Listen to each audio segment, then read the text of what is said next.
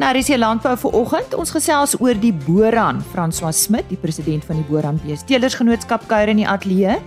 Dan ontmoet julle vir Gareth Allen, die Mpumalanga landbou jongboer vir 2023 en Gerard van der Burg van Bifab praat oor die visie van die rooi vleisbedryf. Goeiemôre, baie welkom. My naam is Lise Roberts.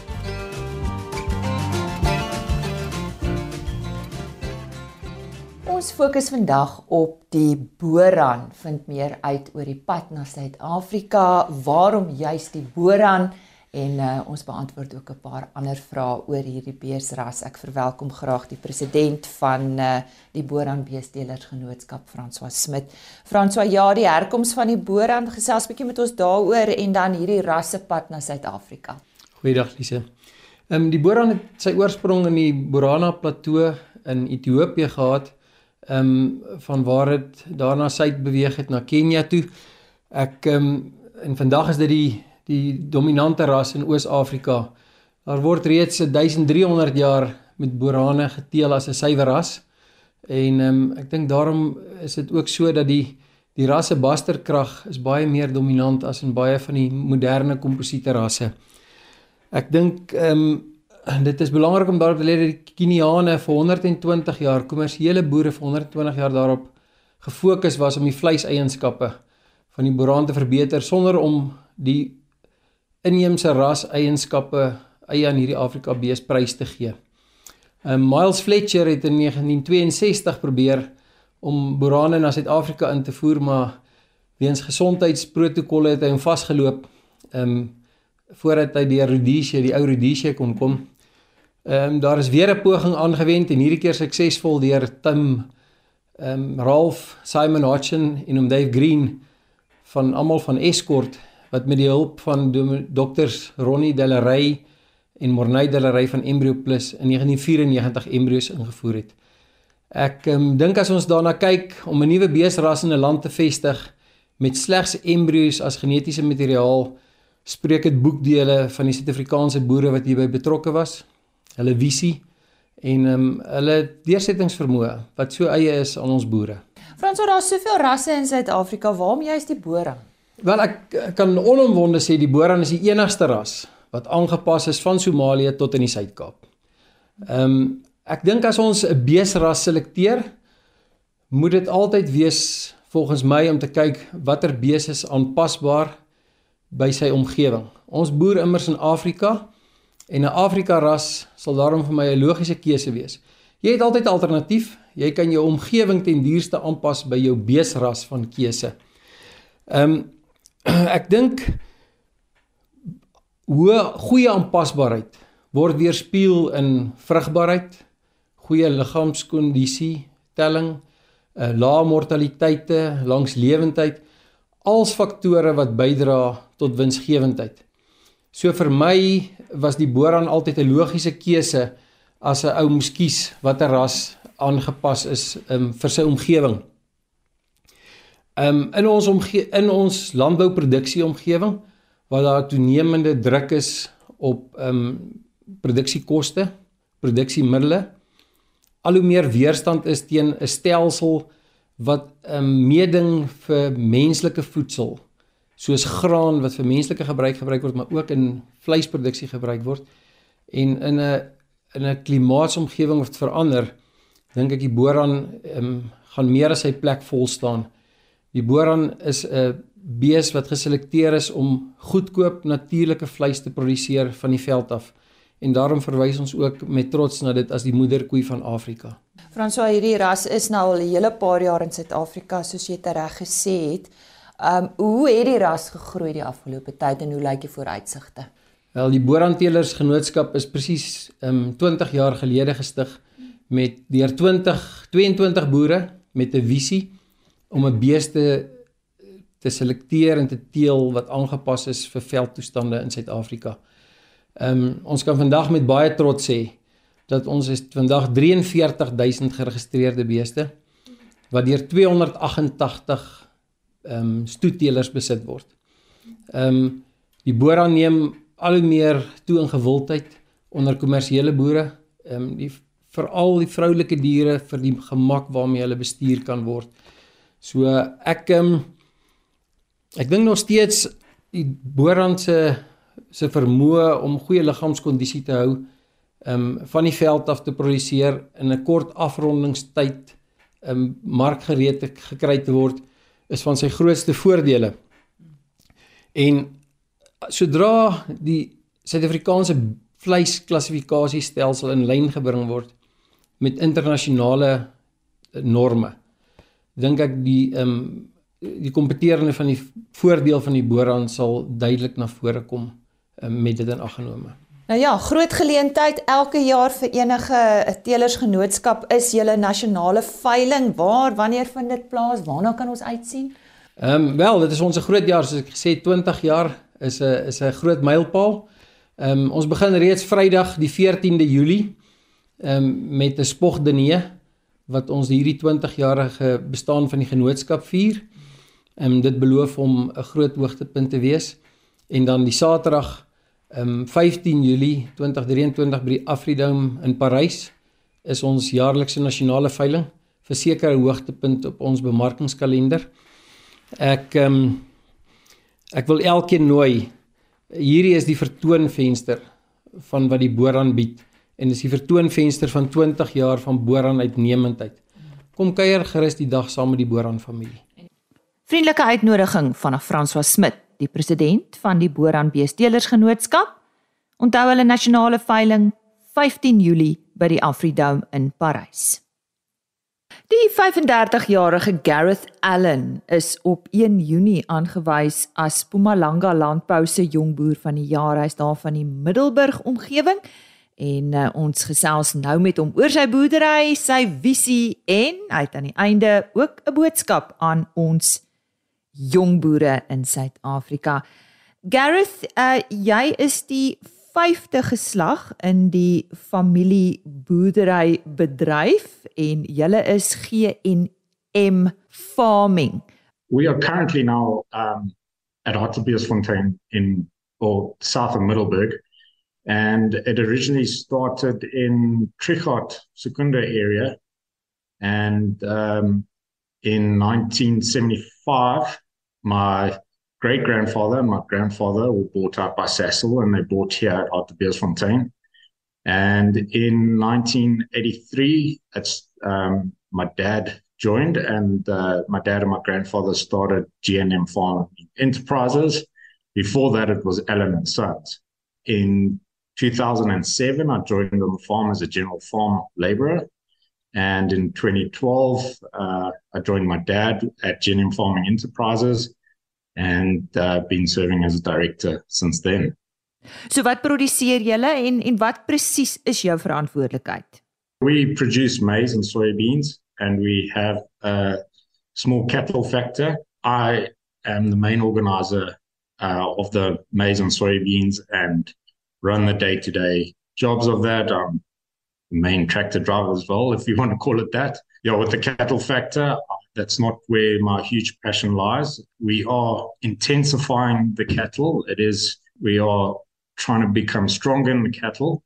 Uh, but luckily, that's run by Quentin, who is our farm manager. And uh, it adds value to the farm, so I support it. I enjoy the haymaking side of it and, uh, you know, the mechanization side of it. But uh, my main passion is the maize and soybeans. As jong boer moet jy 'n visie hê waar jy wil gaan en hoe jy daar wil uitkom. Deel 'n paar gedagtes daaroor met ons. The vision is to stay sustainable and profitable. And I think the end goal is to grow every year. In our area, acquiring ground or new ground has become more and more difficult and obviously very expensive. So what we try to do is increase our, our yields, farm better. We do this by you know doing we've started out with soil classification where we can determine a few factors that in the end determine the the end potential of the of the soil the maximum yield potential of the soil. And with this we do one hectare uh, soil samples and to determine uh, which areas need what nutrients to meet that potential. And we apply our fertilizers according to to the potential of the soil. this has helped us to start achieving uh, greater yields, but also doing it in a economical way. And uh, obviously, this requires the correct machinery to do the variable rate applications. We've also sort of dipped our toes into the biological fertilizers to just help build the soil richness, if you want to call it that. That has helped increase yields and, you know, guarded us from difficult conditions, uh, like as in drought or too too wet. Yeah, I think the main focus is just to increase yields and stay sustainable. That's that's where we want to go. Watter uh, uitdagings het 'n impak om hierdie visie te bereik? So besides all the challenges that we'll know about in South Africa, I think the biggest ones are a drought and input costs, or not drought, more you know the climate uh, because we can have a drought in one season and we can have a, a wet spell in the same season. And uh, we've got to manage that by the uh, sort of working our soils the correct way and planting the correct varieties that give our plants the, the, the best opportunity whether it's too dry whether it's too wet.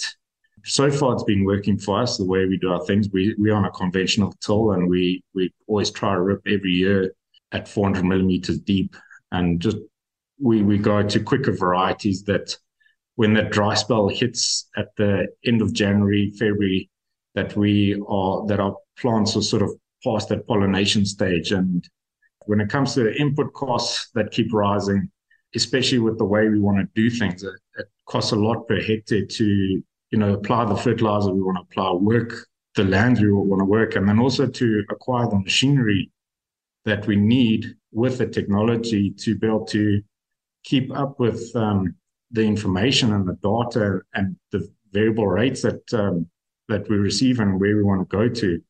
You know, a machine these days, the cost of a machine, just the payment that you do every year, is, is become astronomical. So, yeah, I think that's that's a big challenge, and um, and that's uh, that's something we we we focus on and look forward and try and plan ahead so that we can sort of you know keep up with the times as well.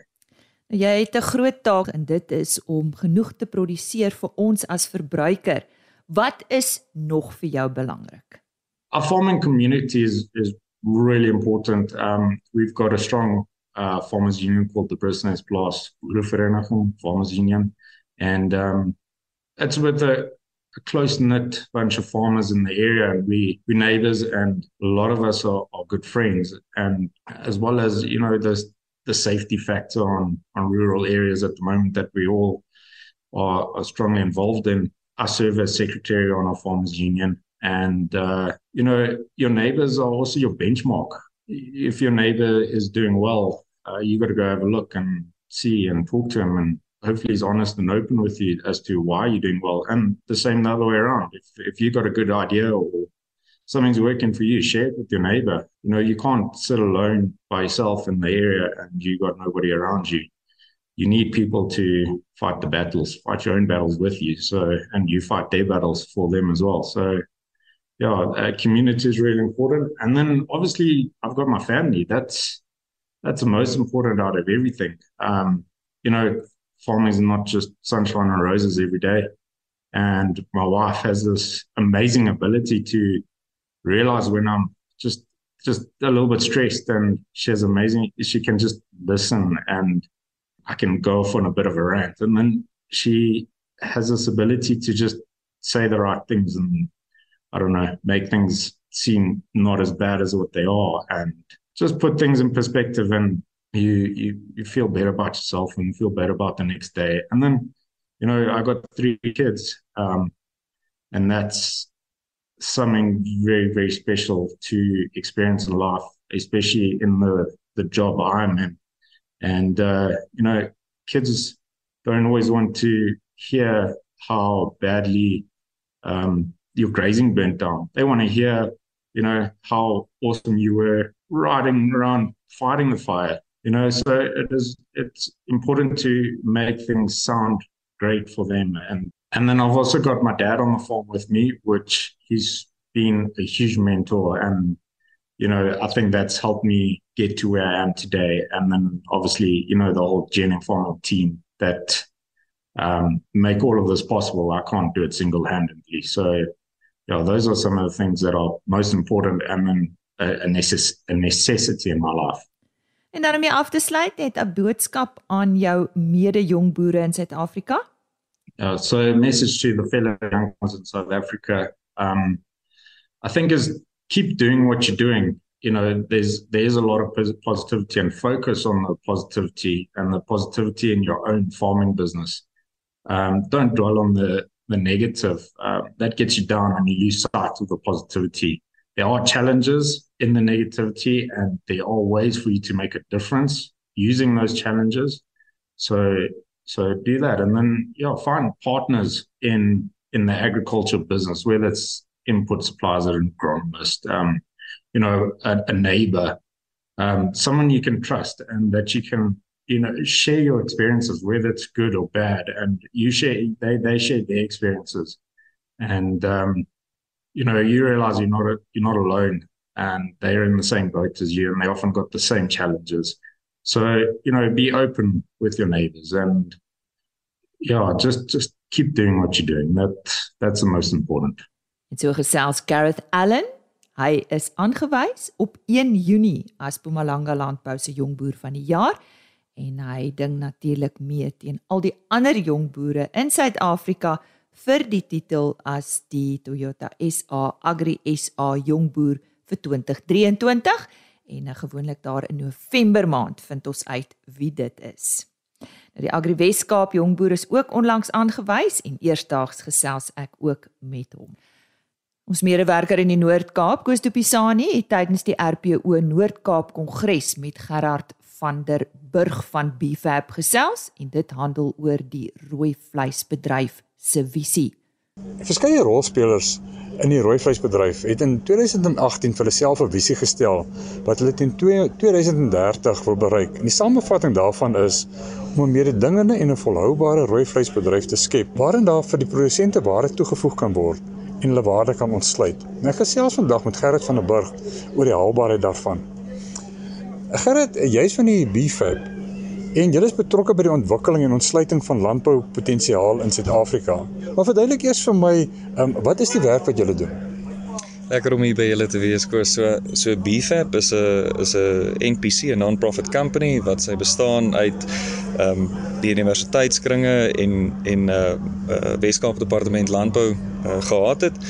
Ehm um, en ons werk is 'n koppeling tussen beleidsmaking, privaat sektor, industrie en die hele uh saam samevoeging van dit alles. Nou dis dis 'n redelike mondvol en en nogals moeilik om altyd te verduidelik, maar die beginpunt is op op die primêre kant, met ander woorde ons hulpbronne om te verstaan presies hoeveel het ons, hoe word dit aangewend, um, en waar pas dit in binne in die waardeketting. Daarna gaan jy na die produsente toe en van daar af in die res van die waardeketting. Ons beginpunt is wel die mark, of dit nou 'n plaaslike mark is of dit 'n internasionale mark is. Ons moet bitter mooi verstaan hoe die hoe die mark uh, ontwikkel en hoe vraag lyk, hoe aanbod lyk en op die uiteinde dit die heeltyd in wat ons noem 'n equilibrium in te bring. So so BFAB werk en en 'n groot deel van ons werk is om is om daai gesprek en inligting wat daai gesprek bevorder objektief op die tafel te kan sit sodat verskillende rolspelers binne in die totale landbousektor uh, objektiewe inligting het om besluite mee te maak. Ehm, nou ek verstaan ook dat julle is baie betrokke by uh, volhoubare aspekte soos uh, groen energie, bestuur van klimaatsverandering en die behoud van water en grond. Maar wat kan die veeboer op die grond uh doen om betrokke te raak uh, by hierdie uh, plan? Of sou ek liewer sê wat moet die veeboer doen om betrokke te raak om om volhoubaar te kan boer? Ja, so dit is seker 'n uh, eh, deel van vandag of deel van 'n van 'n kongres seker soos die RPO Noord-Kaap Kongres verduidelik eintlik juist daai betrokkenheid is. Hoe hoe kry jy dit reg om betrokke te wees by 'n organisasie wat deel maak van jou stem en ook deel maak van inligting wat 'n produsent of een, weer eens enigiemand in die waardeketting nodig het om ingeligte besluite te neem. Nou iets soos klimaatsverandering en en hoe jy dit kan mee uh, teen dit werk met ander woorde die risiko van dit bestuur jy het weer eens inligting vir dit nodig. Dit gaan oor grondbestuur, dit gaan oor waterbestuur. Die weer kan niemand ehm um, uh, bestuur nie en niemand weet presies hoe dit werk nie en en die volgende droogte, die volgende vloed, die volgende brand, al daai rampe uh op die uiteinde gaan dit daaroor hoe how can you mitigate that? Met ander woorde, wat kan 'n boer doen om homself te verskans teen dit? En baie gevalle is die opsies baie min, veral hier in die Noord-Kaap. Ehm um, maar daar is ook herlewingslandboupraktyke wat al bewys is in nog droër dele soos Namibië om om goeie vrugte af te werp. Nou in uh komitees in in goeie komitees waar goeie inligting gedeel word. Dis tipies waar produsente bymekaar moet moet kan leer en en en uh ek dink dit is juis waar organisasies soos 'n uh, provinsiale RPO en dis meer of of um inligting sessies kan deel waar boere goeie inligting kan kry oor wat is daar te doen. Nou ek verstaan ook julle beywer julle vir holistiese stelsels wat al hierdie aspekte van boerdery bymekaar bring ten einde die regte besluite te neem. Maar wat behels hierdie stelsel vir die boer wat op die grond is? So so ons siening van van 'n holistiese stelsel is dalk 'n bietjie anders in die sin van van ehm um, ons praat van 'n holistiese benadering tot tot navorsing en inligting en besluitneming. So ons het byvoorbeeld uh, ingenieurs in ons maatskappy, statistikuste, wiskundiges, uh, ekonome, ehm um, ander uh, BSc wetenskaplikes en dit gaan daaroor om al daai kennis binne in die in die drukpot te sit om om aan die einde 'n baie meer holistiese antwoord op die tafel te kan sit. Met ander woorde, as ons kyk na die produksiestelsel van 'n van 'n veeboer, ehm um, dit is nie net gras of grond nie, dit is ook die res van die van die waardeketting. Dis om te verstaan hoe markte verander. Dis om te verstaan wanneer is is 'n 'n produk meer gereed om om te bemark en hoe kan jy meer waarde uit dit ontsluit? Waar kan jy kostes sny? En en wat eintlik interessant is is is produsente, boere doen dit al vir honderde jare. Hulle is eintlik 'n kombinasie van 'n ingenieur, van 'n van 'n wetenskaplike, van 'n van 'n ekonom. Hulle moet al daai verskillende aspekte eintlik reeds doen. So so dis eintlik nogal 'n lekker vergelyking maar in ons geval gaan dit daaroor om hierdie verskillende dissiplines of of skills as ons so kan sê bymekaar te sit en en weer eens uit dit uit inligting bymekaar te kan sit om besluitneming te kan te kan beïnvloed veral aan die beleid en waardeketting kant. Ek gaan dit dit bekommer my baie keer want dit voel vir my eh, ek mag verkeerd wees. Dit voel vir my die ja ja, daar's baie weten, wetenskap en daar's baie dinge wat wat op 'n hoë vlak uh, gedoen word vir die landbou. Maar kom dit ooit uit onder op die grond? Ek ek dink dit is 'n ja, dis 'n dis 'n baie relevante uh, uh, observasie en dit is waar. Ek ek dink die realiteit is die die spoed waarteen kommunikasie en inligting gedeel moet word aan die een kant en ook hoe vinnig die mark beweeg het. Ehm um, as ons dink aan aan die die toe die markte ontbind het uh, rondom 97 die feit dat ons in 'n vrye mark ingegaan het die die hele omwenteling eintlik van landbou uh, op die uiteinde hoeveel inligting en kennis en en um, ek wil amper sê die hele wetenskap rondom weer eens bemarking ensovoorts hoeveel van dit is aan die boere gedeel? En as jy vat 'n uh, boer vandag wat tussen die ouderdom van 45 en 70 is het het eintlik daai uh, transisie beleef en en ek wonder soms hoe goed was hulle bemagtig om presies te weet wat beteken dit. Ek dink dit het gebeur soos meeste goed in die wêreld. Dis 'n is 'n uh, ons praat van 'n strukturele verandering, maar uh, hoe goed uh, die die produsente toegerus was in daai tyd om om om dit te absorbeer, uh, weet ek nie en ek dink dit is seker een groot rede hoekom ek wou amper sê hierdie boodskap nie noodwendig altyd uh, reg oorgedra word nie en en ook ehm um, ook hierdie hierdie uh, beginsel van telefoontjie. Die een ou sê dit, uh, die volgende ou as hy dit weer oor oor vertel, klink dit heeltemal anders as die ou voor hom en en ek dink dis ook een groot deel van van die probleem is is die spoed waarteen hierdie boodskap eintlik moet uitkom om op grondvlak uh um hierdie intervensies en en en verandering te kan te kan meebring. So dit is dis definitief 'n 'n groot probleem. Hmm. Uh, dit was 'n uh, Gerrit van der Burg van Bfab wat so gesels. Uh, ek is Koos de Pisani vir RSG Landbou in Kimberley. Dis dan vandag se program. Onthou môreoggend om 25 oor 5 weer in te skakel vir nog 'n aflewering van RSG Landbou. Totsiens. RSG Landbou is 'n plaas media produksie met regisseur en aanbieder Lize Roberts en tegniese ondersteuning deur Jolande Rooi.